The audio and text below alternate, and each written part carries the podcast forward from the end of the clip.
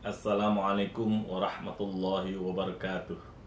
Saya Zulkifli SAG SHMH, Ketua Pengadilan Agama Dabo Singkep, menyatakan bahwa pembangunan zona integritas di Pengadilan Agama Dabo Singkep secara nyata telah membangun mental pegawai bersih dari KKN dan menciptakan pelayanan terbaik bagi pencari keadilan serta telah ditopang dengan berbagai inovasi dan akselerasi yang berkembang dan berkesinambungan.